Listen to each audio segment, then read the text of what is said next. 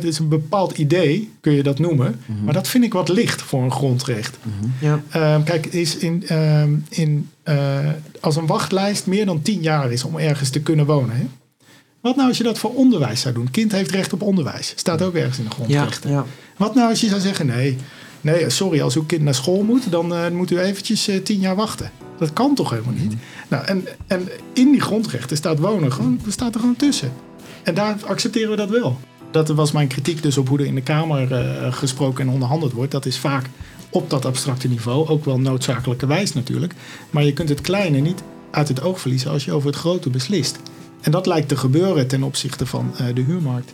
Nederland is rijk aan ideeën over hoe de samenleving duurzamer, inclusiever en rechtvaardig kan. En toch lukt het ons niet altijd om die ideeën aantrekkelijk te maken voor het grootste publiek. Mijn naam is Kiza Magendane. En ik ben Koen Bruning, Dit is De Onderstroom.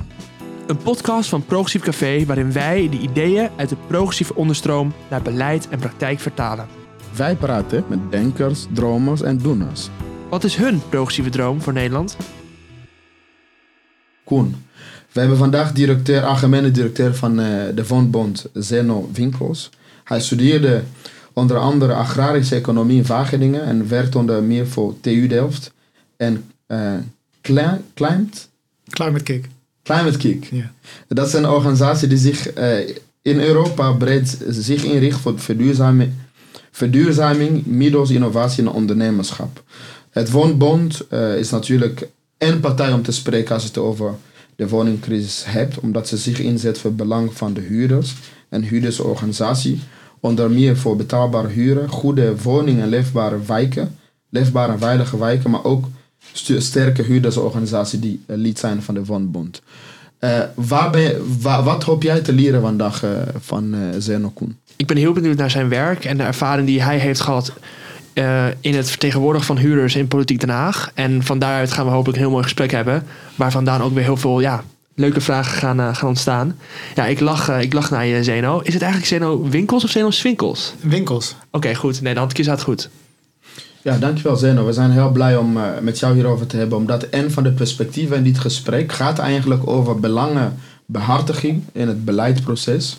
En wat wij geleerd hebben in ons onderzoek is dat uiteindelijk follow the money, dat mensen met geld, huiseigenaren, investeerders, ja, dat hun belangen goed eh, behartigd wordt. En wij kregen de indruk dat eh, huren op dit moment een ondergeschoven kindje is. In hoeverre klopt die stelling? Ik denk dat je daar helemaal gelijk in hebt. En ik denk als je een politiek wil maken, dat je ook kunt zeggen dat verhuren op dit moment de wind mee heeft. Zeker in de vrije sector. Dat zie je aan de beleggers die woningen opkopen en opkopen en die ze dan verhuren. In sommige gevallen zelfs aan de mensen die achter het net visten toen zo'n woning verkocht werd. Hoe belangrijk is een eh, organisatie als Woonbond in, eh, in de huidige crisis die eh, dat wij nu woningcrisis noemen? Nou ja, kijk, de Woonbond vertegenwoordigt ongeveer 3,2 miljoen huurders in Nederland. En nog iets van 300.000 eh, woningzoekenden. Als je de Nederland verdeelt in mensen die een woning bezitten en mensen die een woning huren, dan vertegenwoordigen wij de helft van die mensen. Dus in die discussie is de kennis die bij de Woonbond opgebouwd is en de democratische eh, vertegenwoordiging die de Woonbond heeft via die huurdersorganisaties hartstikke belangrijk. Ja, misschien voor de context, hè, want ik weet niet of de luisteraar eigenlijk weet hoe die structuur werkt. Want Ja. je hebt honderden huurderorganisaties door het hele land. Ja, En is het een democratische organisatie? Want hoe, Ja. hoe werkt het proces precies en wat is de agenda? Ja, dus je hebt in Nederland een stuk of 400 woningbouwcorporaties die verhuren woningen, zoals je weet. En elke woningbouwcorporatie heeft zijn eigen huurdersorganisatie. En de Woonbond verenigt al die huurdersorganisaties. Dus 400 huurdersorganisaties in Nederland zijn lid van de Woonbond. Wij helpen die partijen om te functioneren Ja. en om te discussiëren met hun woningbouwcorporatie van daar moet nieuwbouw komen, eh, deze huren kunnen we niet meer betalen, dit moet het tempo van de verduurzaming zijn. Ehm, en dat op het lokaal niveau, want het is nu anders in eh, Noord-Groningen dan het in eh, Amsterdam is. Ja. Nou, wij zorgen dat die huurdersorganisaties een vuist kunnen maken naar de gemeente en naar de corporaties toe. En soms ook samen met een van die twee partijen om de ander over te halen om iets te doen. Ja, wat opvalt is dat onze samenleving voorstelt aan organisaties die het ledenaantal zien afnemen. Ja. En jullie zijn een klassieke ledenvereniging. Ja. Volgens mij hebben jullie daar geen last van. Nou, het is wel zo dat wij graag meer leden zouden willen hebben. Met name op de individuele basis. Want in de vrije sector, dus als je huurt van een particulier, daar heb je niet zo goed georganiseerde huurdersorganisaties als in de sociale sector. En in die vrije sector zijn heel veel mensen die een woning huren van iemand die maar één of twee of drie woningen verhuurt. En die worden dus niet gerepresenteerd via een huurdersorganisatie, maar wel via ons. Die kunnen individueel lid worden bij de Woonbond. En daar zie ik nog heel veel uh, groeipotentieel, omdat we die mensen ook hulp kunnen bieden. Ja, en uh, het gaat onder meer over de, uh, de middenklasse, de starters. Wat wij geleerd hebben van Hans de Geus is dat in deze serie podcast is dat die particuliere huurders eigenlijk vrij slecht vertegenwoordigd zijn. We hebben ook van Matthijs Korewa geleerd dat er eigenlijk vrij onbekend is over de hele particuliere huursector. Uh, wat zijn voor jou uh, de, wat, wat, wat kan de Woonbond als organisatie uh, spelen om, om die specifieke doelgroep te behartigen? Omdat wij het gevoel hebben in onze zoektocht ook dat deze groep het minst goed is vertegenwoordigd. Ja. Omdat degene in de sociale huur krijgt eigenlijk een vorm van subsidie. En de huiseigenaren kregen ook een vorm, vorm van subsidie. Behalve de mensen in de particuliere huur. Ja, daar ga ik je twee antwoorden op geven. Het eerste antwoord is het antwoord van een verkoper. Mhm. Wat de woonbond kan doen, is die mensen juridisch bijstaan als ze problemen hebben met uh, de huisbaas. Het blijkt dat 80% van de huurcontracten die op dit moment in de vrije sector aangeboden wordt, niet correct is. Dat daar dingen in staan die je niet in thuis horen. Sleutelgeld bijvoorbeeld. Als je lid wordt van de woonbond, beschermen we je daartegen en helpen we je um, in protest komen tegen die huisbaas. Ja. Het tweede antwoord is denk ik op de lange termijn uh, belangrijker. Dat is het lobbyantwoord. Wat doen wij nou om die mensen die in het middensegment thuis horen te helpen? Want we zien het middensegment verdwijnen. Er worden veel te hoge huren gevraagd door uh, ja, mannen, uh, mannen als de geus, zeg maar, hè, die een woning gekocht hebben en dan verhuren. Um, wij zitten in Den Haag bij de Kamerleden aan tafel en bij het ministerie om te kijken naar kan het puntensysteem nou bijvoorbeeld doorgetrokken worden, zodat de kwaliteit van wat je uh, krijgt in verhouding staat tot de prijs die je betaalt. Mm. Nou, dat is in dit, op de laatste paar jaar een strijd van de lange adem, omdat we steeds dezelfde coalitie hebben die meer aan de kant van de verhuurder staat in de vrije sector dan aan de kant van de Wat is het puntensysteem even voor onze luisteraar? Ja, het puntensysteem dat vertelt je eigenlijk uh, hoeveel, welke prijs je mag vragen voor een woning. Dus heeft hij een kleine keuken, uh, ligt hij op een mooie plek in de stad of ligt hij op een slechte plek in de stad? Hoeveel vierkante meters is het? Hoeveel kamers? Hoeveel ramen? En zodra je via het puntensysteem door de 752 euro per maand gaat, mag de verhuurder vragen wat hij wil. Ja. Dus wat die verhuurder doet, die maakt de keuken ietsje beter. Dan gaat die woning van 750 euro naar 755 euro.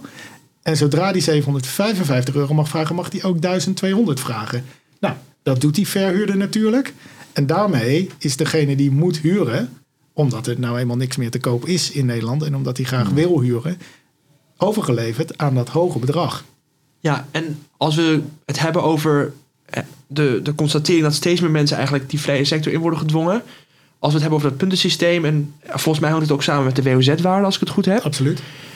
Als er vervolgens duurdere huizen in een bepaalde wijk worden gebouwd, zie je dan ook vervolgens dat die andere huizen duurder worden, waardoor nog meer mensen eigenlijk uit die wijk worden verdreven, omdat ze vervolgens die huur niet kunnen betalen, wanneer dat puntensysteem de vrije sector in wordt geschoten? Ja, in de herstructurering zie je dat. Wat, wat jij uh, eh, WOZ-waarde noemt, hè, dat betekent het plekje waar die woning staat. En als dat in een fijne wijk is waar iedereen naartoe uh, wil, dan gaat die WOZ-waarde, de waarde van de woningen, gaat omhoog omdat dat in de huurprijs verdisconteerd kan worden via het puntensysteem, gaat dan de huur ook omhoog. En dat betekent dat hij door die 752 kan knallen en daarmee niet meer beschikbaar raakt voor mensen met een uh, veel kleinere beurs. Ja. En dat noemen we segregatie. Eigenlijk het systeem waarbij mensen met een uh, laag inkomen uit de prettige, waardevolle wijken gedrukt worden. Ja. Uh, om de mensen met en de mensen met hoge inkomens komen er dan in. Ja, en dit slaat ook weer mooi aan bij het concept van ongelijkheid.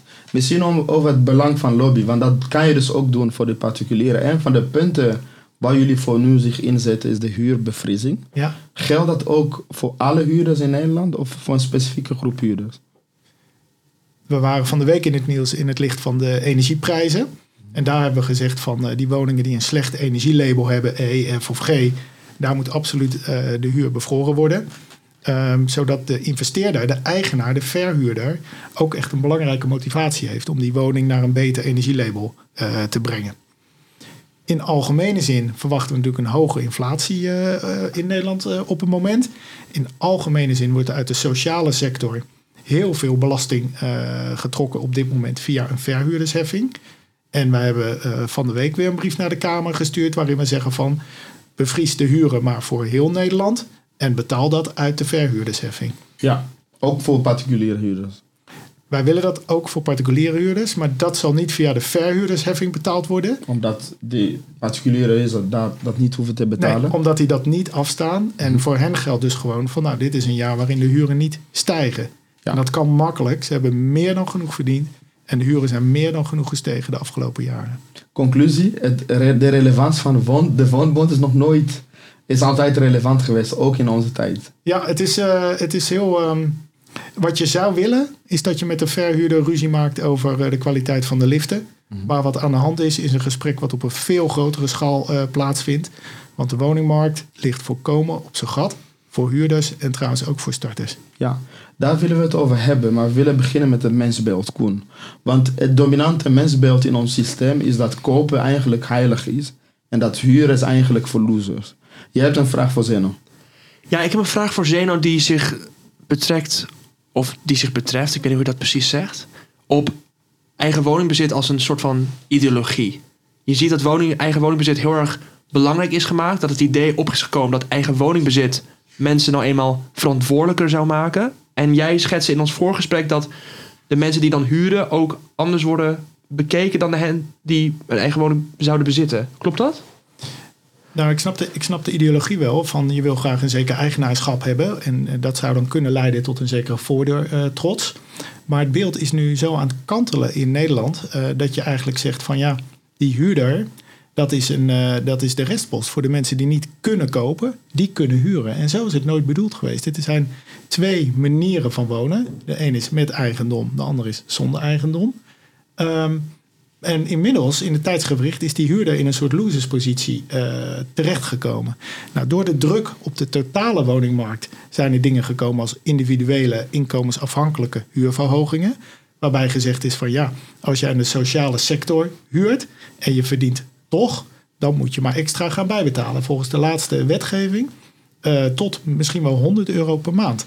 En dan heb je nog steeds geen topinkomen. Ja. Maar dan zeggen ze, je hoort niet meer thuis in de sociale sector. Jouw huur gaat 100 euro per maand omhoog. Nou, zijn er twee dingen. Het ene is, iedereen heeft recht op succes. Of die nou woont, eh, of die nou koopt of huurt. En je kan niet zomaar zeggen van, ja, iemand die huurt en succesvol is...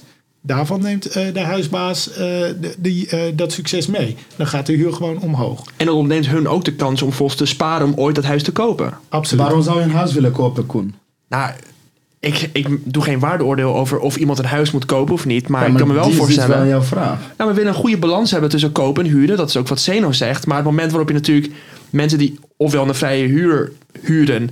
of inderdaad steeds zien dat als ze meer gaan verdienen... dat, hun dat de huur omhoog gaat, inkomensafhankelijk eh, wise... Ja, dan ontneem je hun dus ook de kans om te sparen om dat huis te kopen, als ik het goed begrijp. Ja, Koen, ik help je. Maar er is nog een, want er is nog een, er is, er is nog een antwoord op de vraag, namelijk waarom willen ze kopen? Omdat als ze een gemiddelde woning kopen, ze 200 euro per maand per dag rijker worden. Ja. Daarom willen ze Hoeveel? kopen. 200 euro per dag. Een gemiddelde woning wordt tussen de 200 en 300 euro per dag meer. Ja, waard. laatst was er een cijfer dat het 300 euro per dag in Amsterdam elke dag duurder werd, een huis. Precies. En omdat in Amsterdam niet de gemiddelde woning staat. Dus Ja. het is tussen de Dus je 2 wordt en de 300 200 euro. euro per dag rijk als je een huis koopt. Precies. Eh, maar dit is dus de interessante vraag. Ik weet niet of je een huis hebt, eh, Zeno. Ik Mhm. niet. Maar in onze podcast, als vanuit een progressief mensbeeld, Mhm. is het wel interessant om de vraag te stellen. eh, moeten wij iedereen dan richting een huis duwen? Of moeten wij een systeem bevragen die mensen dwingt om een huis te kopen? Ook als dat niet past bij hun leefstijl. Ik weet dat dit filosofisch is hoor. Daarom was ik net heel scherp op Koen. Ja. Eh, ik weet dat jij de huurders vertegenwoordigt. Ja. Hoe zou jij die vraag beantwoorden? Moeten wij iedereen een richting kopen duwen? Of moeten wij het systeem dat koop heilige verklaart radicaal bevragen? Wij moeten radicaal bevragen of het wijs is dat de ene groep van Nederland, de 60% die een woning bezit, elke dag rijker wordt, capaciteit opbouwt. En de 40% van Nederland die huurt, alleen maar inkomensopbouw via zijn eh, salaris heeft. Wij moeten zeggen van dat is een onjuiste verdeling. Een kastensysteem. Nou, een kassensysteem, een kassensysteem gaat me een klein beetje te ver, omdat degene die vermogen opbouwt ook risico neemt in zijn eh, eigendom van de woning. Dus je zou kunnen zeggen, het is een tijdelijke, eh, conjuncturele eh, situatie. Maar je weet ook dat is niet zo. Je zult zien dat de woonquote, de hoeveelheid geld die mensen aan het wonen uitgeven, gewoon gaat stijgen. Als je dan- huurt. Als je, als je huurt en als je koopt. Ehm, en dat er daardoor dus ruimte is om die hoge prijzen eh, in de lucht te houden. Misschien niet zo ontzettend hoog als vandaag. Maar meer dan 20% kan, gaat dat echt niet naar Ja. beneden. Ja. En die woonquotum, is dat vergelijkbaar nu met de mensen die huren of kopen? Wat je, dat voorbeeld wat je net Ja, het gaf. is heel moeilijk te zeggen. Het is heel moeilijk te zeggen, omdat als een jong stel nu een eh, woning koopt, dan gaan zij zoveel mogelijk hypotheek betalen. Ze moeten wel, anders kunnen ze niet bij die woning. Dus zij hebben ook een hoge woonquote. Als je kijkt naar eh, mensen van mijn leeftijd, ik ben tegen de 50, die hebben een veel lagere eh woonquote. Dat kan zomaar de helft zijn. Het is ook een intergenerationeel eigenlijk. Ja, absoluut. terug. Absoluut. Dus, het, de, dus denk gewoon aan 40% voor een jong stel en denk aan 20% voor mensen die eh, in mijn leeftijdsgroep zitten. En onder jonge huurders zie je sowieso, of ze nu huren of kopen, dat die woonquote, oftewel het aandeel van hun loon wat ze uitgeven aan huur, gewoon groter is. Absoluut, absoluut. En je zult dus zien dat ze altijd allebei vier à vijf dagen in de week zullen moeten werken om dat te kunnen betalen. Wat weer gevolg heeft voor andere keuzes die Ja. je maakt in het leven. Bijvoorbeeld minder vrijwilligerswerk, want je bent altijd betaald werk aan het doen. Ja, laten we beginnen met het toenemende besef over die ongelijkheid. Mhm. En er is nu momentum door al die woonprotesten, waar de Woonbond ook aanwezig was. Mhm. Ehm, eh, hoe optimistisch ben jij? Denk je dat het, eh, dat het doordringt, de, het probleemschets dat we zojuist hebben besproken? De probleemanalyse. Dat deze woonprotesten echt tot de beleidsmakers, dat het probleem echt helder gedefinieerd wordt. Je moet lachen, Zena. Ja, ik moet lachen, want, het, want de, de vraag is van eh, hoe optimistisch ben jij dat, eh, dat de wal het schip eh, gaat keren? Hè? Ja. Dus hoe optimistisch ben je over een, eh, een botsing? Eigenlijk, dat is de vraag. Daarom schoot, ik, daarom schoot ik in de lach. Ik denk dat die botsing nog wel een paar jaar op zich laat wachten. Maar ik denk dat de start gemaakt is van de, eh, het besef van, bij een generatie van wij moeten hier iets tegen doen. Ze hebben nu geprotesteerd, Ja. één dag. Ging om zes uur allemaal weer naar huis. Maar ze zullen straks ook moeten gaan stemmen. En dan zullen ook de andere mensen die stemmen, die dus een woning hebben, maar zien van mijn kinderen en mijn kleinkinderen en mijn zusje dat gaat scheiden, maar geen andere woning kan vinden, Ja. ook in de knel gekomen zijn. En de, de protesten zijn het begin van de bewustwording daarvan. Maar ja, daarmee zijn we er niet volgend jaar. Want er zijn ergens tussen een half miljoen en een miljoen woningen nodig. Ja, die bouw je niet in een paar weken. Huurprijzen verander je niet zo makkelijk. Dan komt er een, eh, een, een, een weerstand van de beleggerskant. En die is ook groot. Hè? Die wordt ook gevat door politieke partijen. Dus er is heel veel te doen op verschillende schijven die allemaal tegelijk aan het draaien moeten gaan zijn, eh, moeten draaien.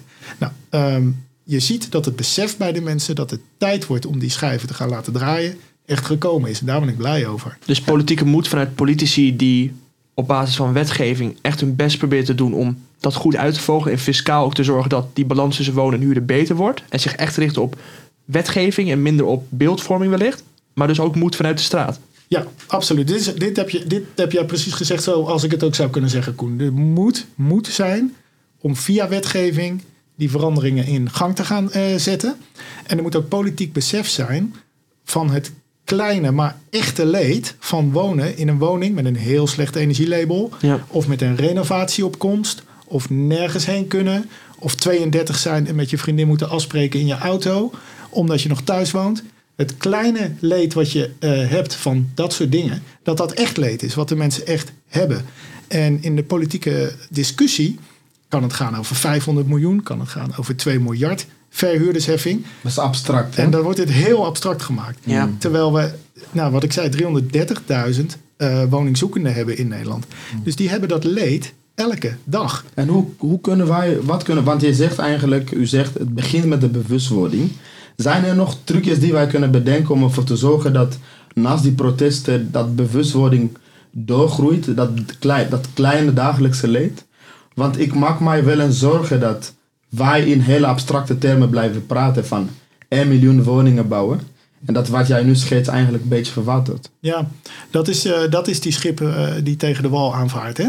Van kennen we op een gegeven moment allemaal, hebben we allemaal een zus die wil gaan scheiden en niet verder kan? Kennen we allemaal iemand die met zijn kinderen in de dagopvang eh, beland is? kennen we allemaal mensen die niks meer kunnen sparen omdat ze de huur niet kunnen betalen. Valt er een mobieltje kapot, kunnen ze geen kant op, die mensen. Want ze hebben geen budget meer voor een nieuw tweedehands mobieltje.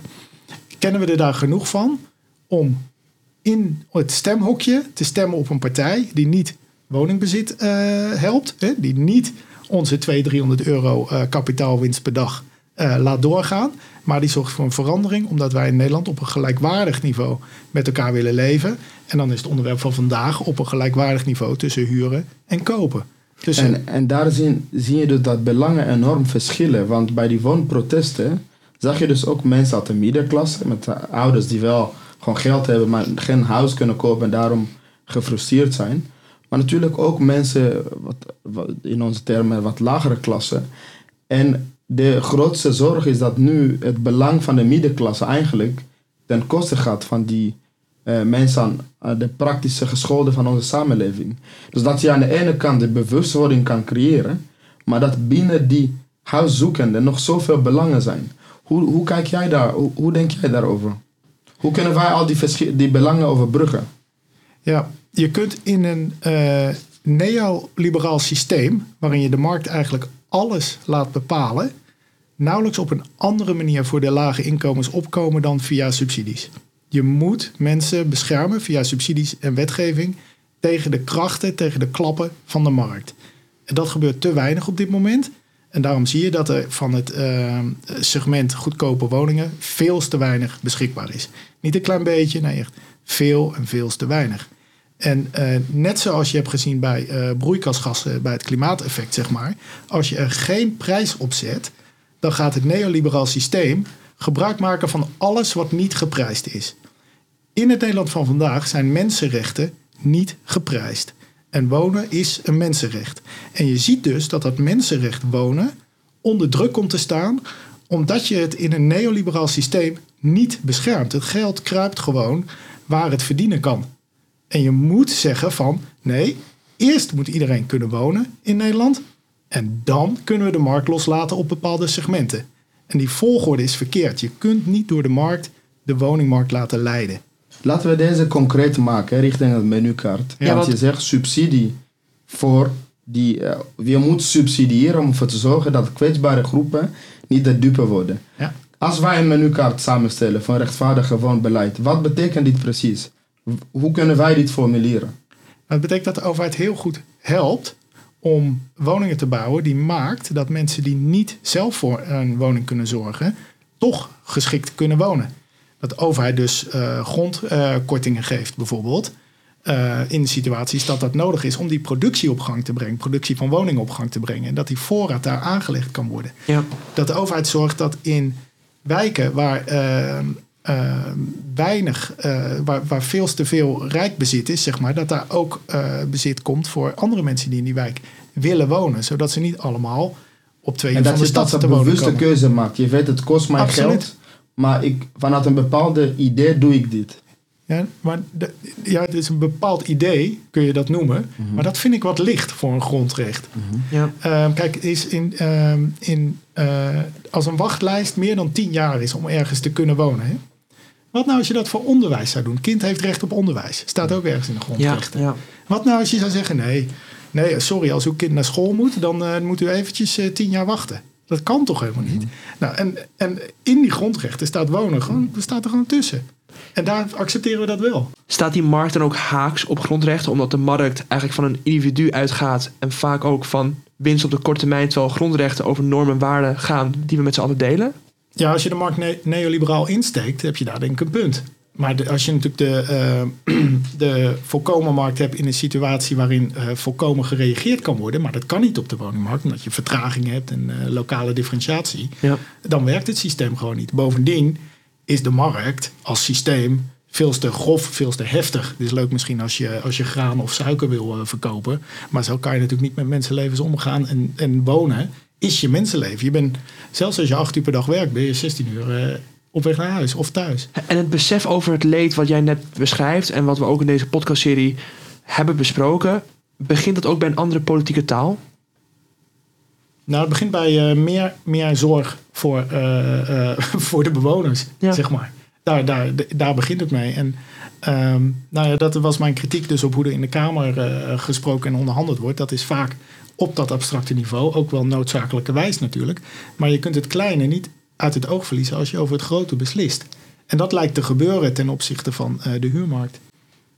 Ja. ja, en als wij de, deze, de, jouw reflectie op de neoliberale markt. Uh, zijn er nog andere hobbels die overwonnen moeten worden om ervoor te zorgen dat de belangen van huurders en huurdersverenigingen het, uh, het effectiefst vertegenwoordigd worden? Een van de, of waar, waar, waar lopen jullie tegenaan bij van, de woonbond? Ja, een van de zaken die je op lokaal niveau probeert te borgen...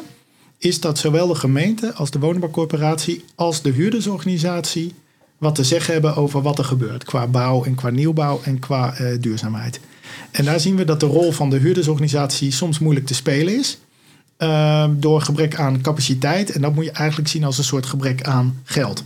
De gemeente en de woningbouwcorporatie die kunnen consultants bij zich roepen wat ze willen. Voor de huurdersorganisatie is dat een stuk lastiger uh, om te doen.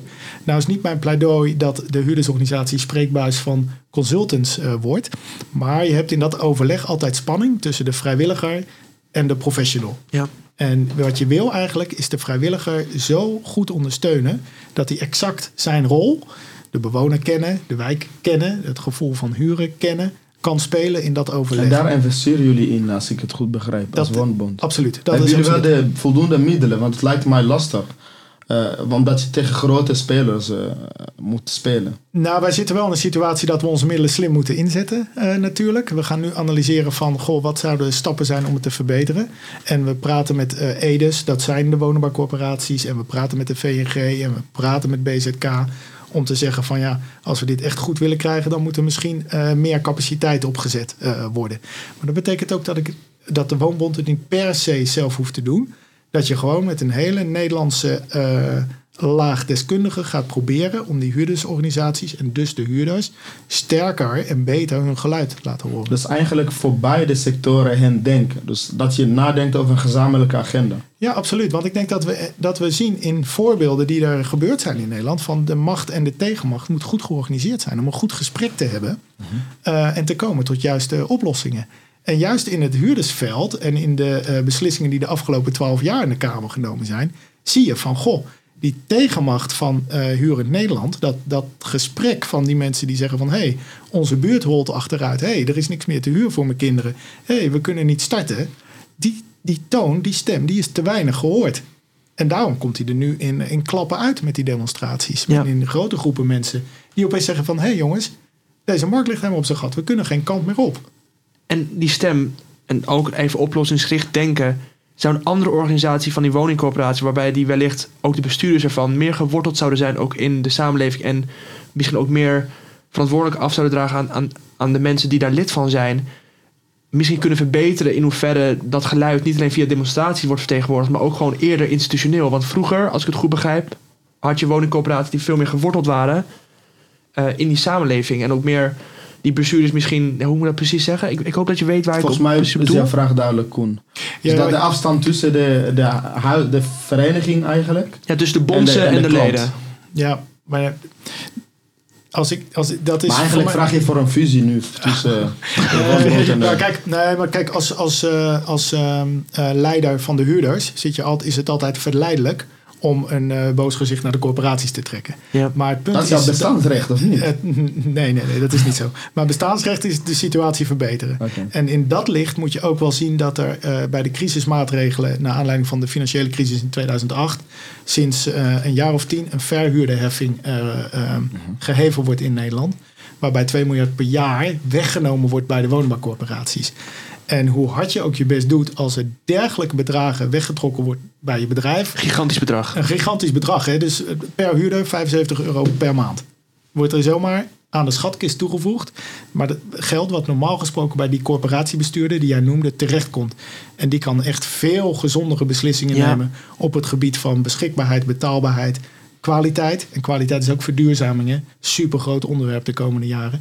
Kan die veel beter of zijn. Ja, daar zetten jullie, jullie voor in trouwens, toch? Kwaliteit. eh, Ja, absoluut. Maar ik, ik wil even dit stukje afmaken, want het is heel belangrijk om te beseffen dat daar zoveel geld weggenomen wordt uit die corporatiesector, dat die bestuurders bijna lam zijn in wat ze kunnen doen. Ze doen natuurlijk hun uiterste best, maar het wordt zo afgeroomd dat het niet mogelijk is om aan alle wensen te voldoen. Het is ook een te makkelijke kritiek dus om te zeggen van... ah, die bestuurders in Nederland die zijn veel te ver verwijderd geraakt van de burgers, van de leden, van de huurders. En Klopt ook wel, toch? Steeds. Ja, oké, gemiddeld gezien. Maar het is dus iets te makkelijk in dit geval, omdat jij zegt, Zeno, dat we ook zien dat die verhuurdersheffing is geïntroduceerd. En hun ook knellen, in dit geval de bestuurders, om ervoor te zorgen dat er genoeg woningen worden gebouwd. Juist, bij bestuurders van de woonbouwcorporatie kom ik dat inderdaad nauwelijks tegen. Dus daar heb je gelijk in, Koen. Overigens, het bouwen van wonen, is dat ook een van, van jouw agendapunten? Sta, ja, idee van kijk, 1 miljoen wonen. Eh, ik geef even context. Hans de Geus, ja. die is best wel kritisch, want hij zegt, je moet oppassen dat je niet uh, vier stenen gaat bijleggen, dat één groep daarvan profiteert. En, dat, en niet pas de huurders. In dit geval private partijen. Private partijen. Ja, dus dat, is eigenlijk een pleidooi om niet alles uh, te bouwen om uh, winst mee te maken, maar te bouwen om te voorzien in een uh, volkshuisvesting. Dat het volk goed kan wonen. Nou, dat, dat lijkt mij heel verstandig om te doen, absoluut. Ja, en nou, ook omdat het aansluit bij het pleidooi dat we zojuist op de menukaart hebben geplaatst, namelijk juist durven investeren omdat mensenrechten te waarborgen. Absoluut, absoluut. Weet je, elke, elke Nederlander wil graag goed wonen. En elke Nederlander wil graag dat zijn kinderen een uh, gezonde, goede toekomst tegemoet gaan waarin ze ook kunnen wonen. Daarvoor zijn er te weinig woningen. En de woningen die er zijn, voldoen nog niet aan uh, duurzaamheidsprincipes die, waar ze wel aan zullen moeten voldoen. Ja. 2050 zal alles energie-neutraal moeten zijn, de hele gebouwde omgeving. En ehm, in plaats van uh, tegen de huurder te zeggen van uh, nou je krijgt dit over je heen, wil je eigenlijk een situatie waarin die huurder zegt van geachte corporatie, ik wil een betere woning die groen is en die 100% duurzaam is. Ja. Nou dat is een agendapunt wat de Woonbond uh, meer en meer zal laten horen en waar we ook echt wel uh, enthousiasme voor zullen gaan vinden omdat iedereen dat betere leven wil. En als je kijkt, goed kijkt naar wat er in de maatschappij nu aan het gebeuren is, in, in Engeland en Amerika is het al jaren aan de gang, dan is het zeer de vraag of de kinderen en de kleinkinderen er nog op vooruit gaan de komende jaren. Nou, je ziet nu in Nederland op die woningmarkt bijvoorbeeld dat dat gewoon niet meer het geval is. En dat zijn die mensen van een jaar of dertig die geen woning kunnen kopen of veel te duur moeten huren. Ja. En die vooruitgang kan je dus invullen aan de hand van wonen, begrijp ik? Dus een, deel, een deel kinderen, kleinkinderen een betere leven hebben, moet je dus nadenken hoe je de woningmarkt inricht. Absoluut. En je moet je woningen isoleren hè, en energiezuinig maken, zodat je niet afhankelijk bent van grillen in de prijzen, zodat het niet... Uh, op de hele grote schaal uh, warmer en uh, onhoudbaar weer uh, begint te worden. Tegelijkertijd moet je voor voorraad zorgen, zodat mensen ergens terecht kunnen. En niet onder een ontzettende druk, waar prijs het enige ventiel is, op zoek moeten naar een paar vierkante meters om te slapen. Ja. ja zullen we deze ook op de menulijst zetten? Dat zou ik maar doen, ja. Oké, want we hebben nu een paar punten. We denken nu ook richting dat lijstje van als je echt een toekomstbeeld schetst ja. een rechtvaardige inrichting van het woonbeleid. Mhm. Eh, vanuit de ideale wereld van uh, Zeno en woning, Woningbond. Mhm. Waar beginnen wij mee? Wat is het idee en aan welke knoppen moeten we draaien? Nou, we beginnen met uh, groene en gezonde woningen. Voldoende voor eh, alle mensen en hun kinderen. Universeel. Universeel. Dat is, het mens, dat is eigenlijk ja. een droomwereld. Ja. We, we kunnen niet zien en we hoeven niet te weten of iemand huurt of koopt. Ja. Dat maakt ons niet uit. Mhm. Het zijn wijken waarin rijk en arm uh, uh, elkaar kennen en bestuiven als het nodig is. dus de rijke kan uh, geïnspireerd raken door hoe de arme met zijn spullen omgaat. Of de minder rijke kan geïnspireerd raken door hoe een rijke het een of ander doet. Ze delen verhalen met elkaar. Ze delen verhalen met elkaar, maar wat mij betreft delen ze ook een auto met elkaar. Maakt mij niet uit. Ehm, maar het kunnen niet zijn dat in de stad de mensen wonen met een hoog inkomen en van ver komen de mensen met een laag inkomen, hè, liefst en, en, en, en mogen dan de fruithapjes snijden. Nee, het is gezonder om door elkaar te wonen en ook kansrijker voor kinderen en uh, andere mensen. De ouderen, die kunnen als ze willen naar een kleinere woning toe. Daar is ruimte voor. Hun, de grotere woning die ze achterlaten, daar kunnen dan de jongeren in doorstromen. Is iets wat in Nederland totaal stilgevallen is de afgelopen jaren. Dus dat is een belangrijk onderdeel van die dynamische, van die dynamische wijk. Zo noemen we die dynamische wijken. Ja. En dit gaan we gewoon regelen, toch? Ja, heel graag. Zijn er nog, want je zegt eh, bijvoorbeeld het laatste punt, het gebeurt nog niet. En zo, dat geldt eigenlijk voor het hele principe. Is dat er heel veel hobbels in het systeem zijn. Mhm. Dingen die we nog moeten overwinnen. Of Mhm. door gebrek aan kennis of belangen. Mhm. Hoe, waar moeten we nog aan sleutelen om ervoor te zorgen dat we richting dit ideaal Mag ik daar nog wat aan toevoegen? Ja? Ehm, Kisa's vraag dus, waar moeten we aan sleutelen? En hoe kunnen we inderdaad ervoor zorgen dat het tij gekeerd wordt? Mhm. Daaraan zou ik willen toevoegen, zie je ook wellicht uit een eigen ervaring dat het pleidooi voor universele voorzieningen het ook makkelijker maakt mensen over sociale lagen heen te organiseren. Laten we met jouw vraag beginnen, want ik vind hem eigenlijk nog mooier dat idee aansluit, het, het droomwereld van die dynamische wijken. Ehm, die, die universele eh, voorzieningen, die staan natuurlijk heel erg onder druk als je een neoliberaal, wat op het individu eh, gericht is, Ja. systeem hanteert.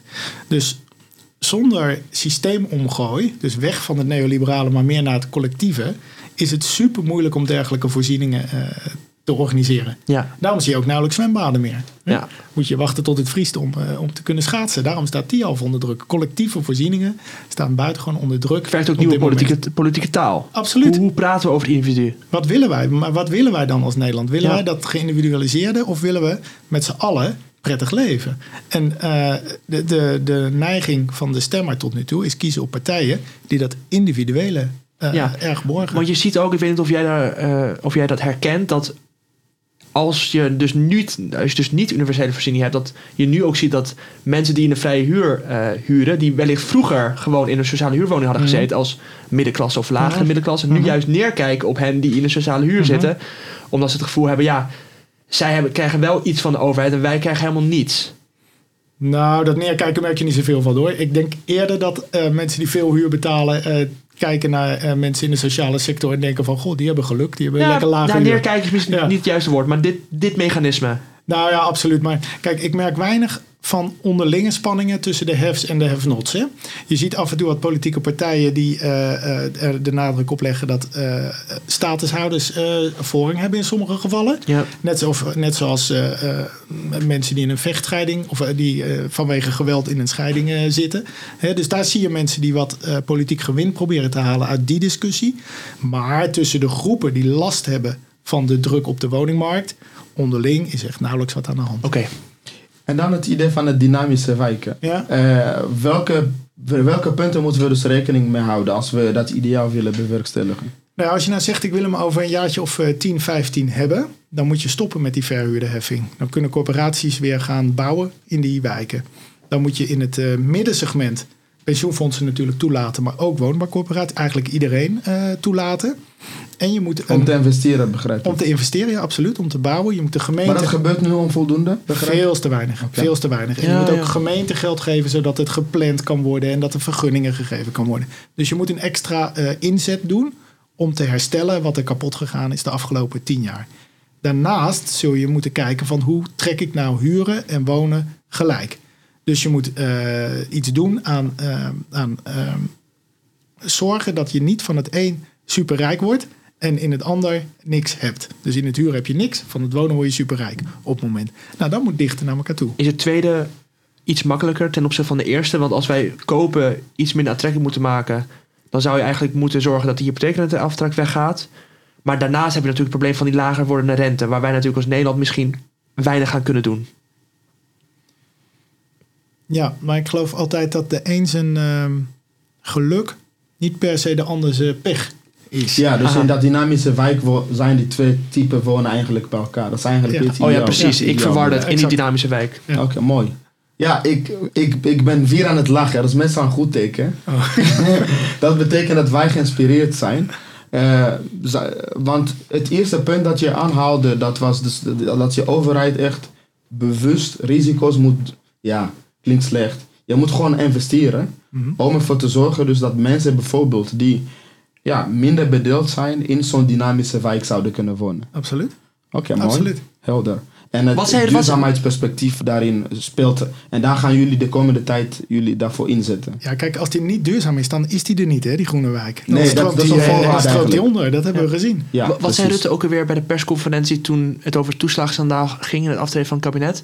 Was een quote van een oud premier over dat de overheid de risico's spreidt. Het lijkt mij goed om deze quote van Rutte als basis voor de dynamische wijken te gebruiken. Eh, zijn er nog andere punten waar we rekening mee moeten houden in ons droom, in onze zoektocht? Heb je dat niet net gevraagd? Nee, want ik ga nu richting de afsluiting. Oh dus ja, misschien oké, dat er ja, oké, ja. andere punten zijn. Nee, ik denk, dat, ik denk dat, je, dat we de meeste dingen besproken hebben. En dat we echt moeten zorgen dat eh, iedereen in Nederland goed kan wonen. En dat staat ook in het grondrecht en dat willen we graag. Schoon water voor iedereen, goed onderwijs voor iedereen, gezondheidszorg voor iedereen. In En goede wijken. goed wonen. En als het natuurlijk, het liefst in goede groene wijken. Ja, en we hebben duizenden ambtenaren die deze punten moeten gaan uitvoeren.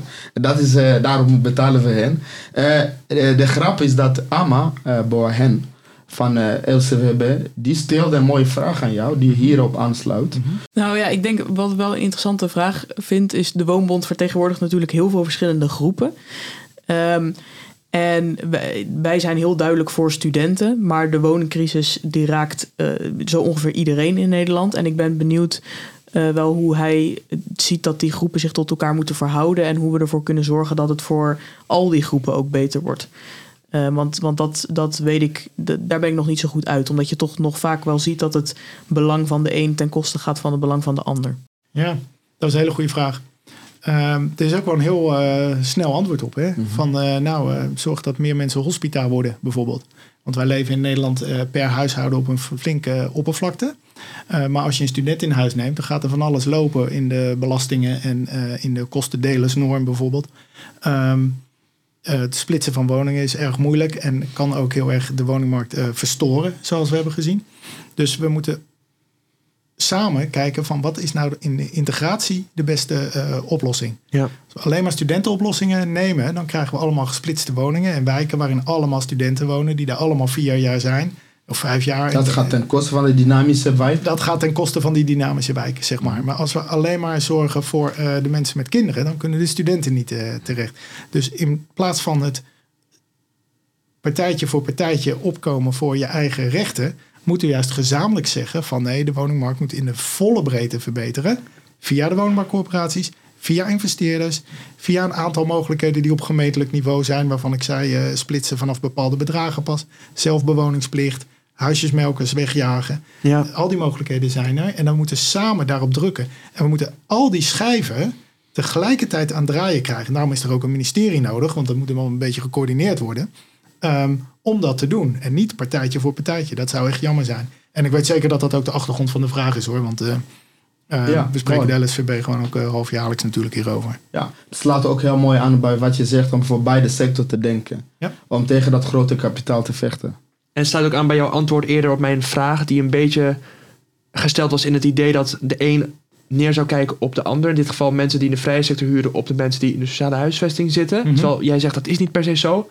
Laat staan dat we dus op die manier moeten denken. en Juist die mensen eigenlijk over die lagen heen moeten gaan verenigen om beter woonbeleid te gaan bewerkstelligen. Ja, absoluut. Maar ik zie ook zo. Ik zie maar heel weinig mensen in Nederland met een bepaald kwaliteitsgevoel denken van ja, nou, die woont zo, die woont zo, die woont zus. Volgens mij is dat tussen die groepen helemaal niks, eh, niks aan de hand. Hebben we vooral eigenlijk gemeenschappelijk een gebrek aan woningen. Aan betaalbare woningen om precies te zijn. Ja, daar word jij blij van of niet? Zeker weten. Dankjewel Zeno. Eh, het heel leerzaam en ook heel inspirerend. Eh, heel fijn dat je met ons kon praten. Wij hopen dat de luisteraars natuurlijk geïnspireerd zijn. Oh ja, jij kijkt naar mij of, of jij een vraag hebt voor onze volgende gast. Dat is eh, Cody Hostenbach. Eh, we zijn benieuwd waar je hoofd van kraakt in dit vraagstuk. Waar je nog niet over uitgedacht bent. Cody Horstenbach, oh, die weet zoveel, die man. Je kunt wel honderd vragen aan hem, honderd vragen aan hem stellen. Ehm, Vooral die ver- verhuurdersheffingen. We hebben eh, even tijd. Volgens mij eh, zei dat je om half vijf pas weer een afspraak had. Ehm, ik denk dat het een interessante vraag aan Cody is van als je nou altijd maar tot dezelfde conclusies komt in je wetenschappelijk onderzoek, wat bijvoorbeeld de segregatie aantoont en de knellende woningmarkt heel goed aantoont. ehm, hoe hou je dan als eh, wetenschapper de, eh, de schijn van politieke voorkeuren eh, weg? Ja, een heldere vraag. Het is heel relevant. Heel helder. Dankjewel, Zeno. Nieuw. Heel Dankjewel. graag gedaan en bedankt voor het fijne gesprek. Ja, was heel leuk. Dit is De Onderstroom, een podcast van Progressief Café waarin wij de ideeën uit de progressieve onderstroom naar beleid en praktijk vertalen. De podcast is mede mogelijk gemaakt door Pakhuis de Zwijger, Henk en Dan Hazelager hebben de techniek gedaan. Abonneer je op onze kanaal voor meer verdiepende gesprekken over de aanpak van de woningcrisis. Mail je ook voor het evenement op 6 december in Pakhuis de Zwijger waar wij samen met andere denkers, dromers en doeners een menukaart zullen samenstellen voor een progressief antwoord op de woningcrisis. Voor meer informatie zie progressiefcafé.nl en volg ons via Twitter en Instagram at Progressief Café.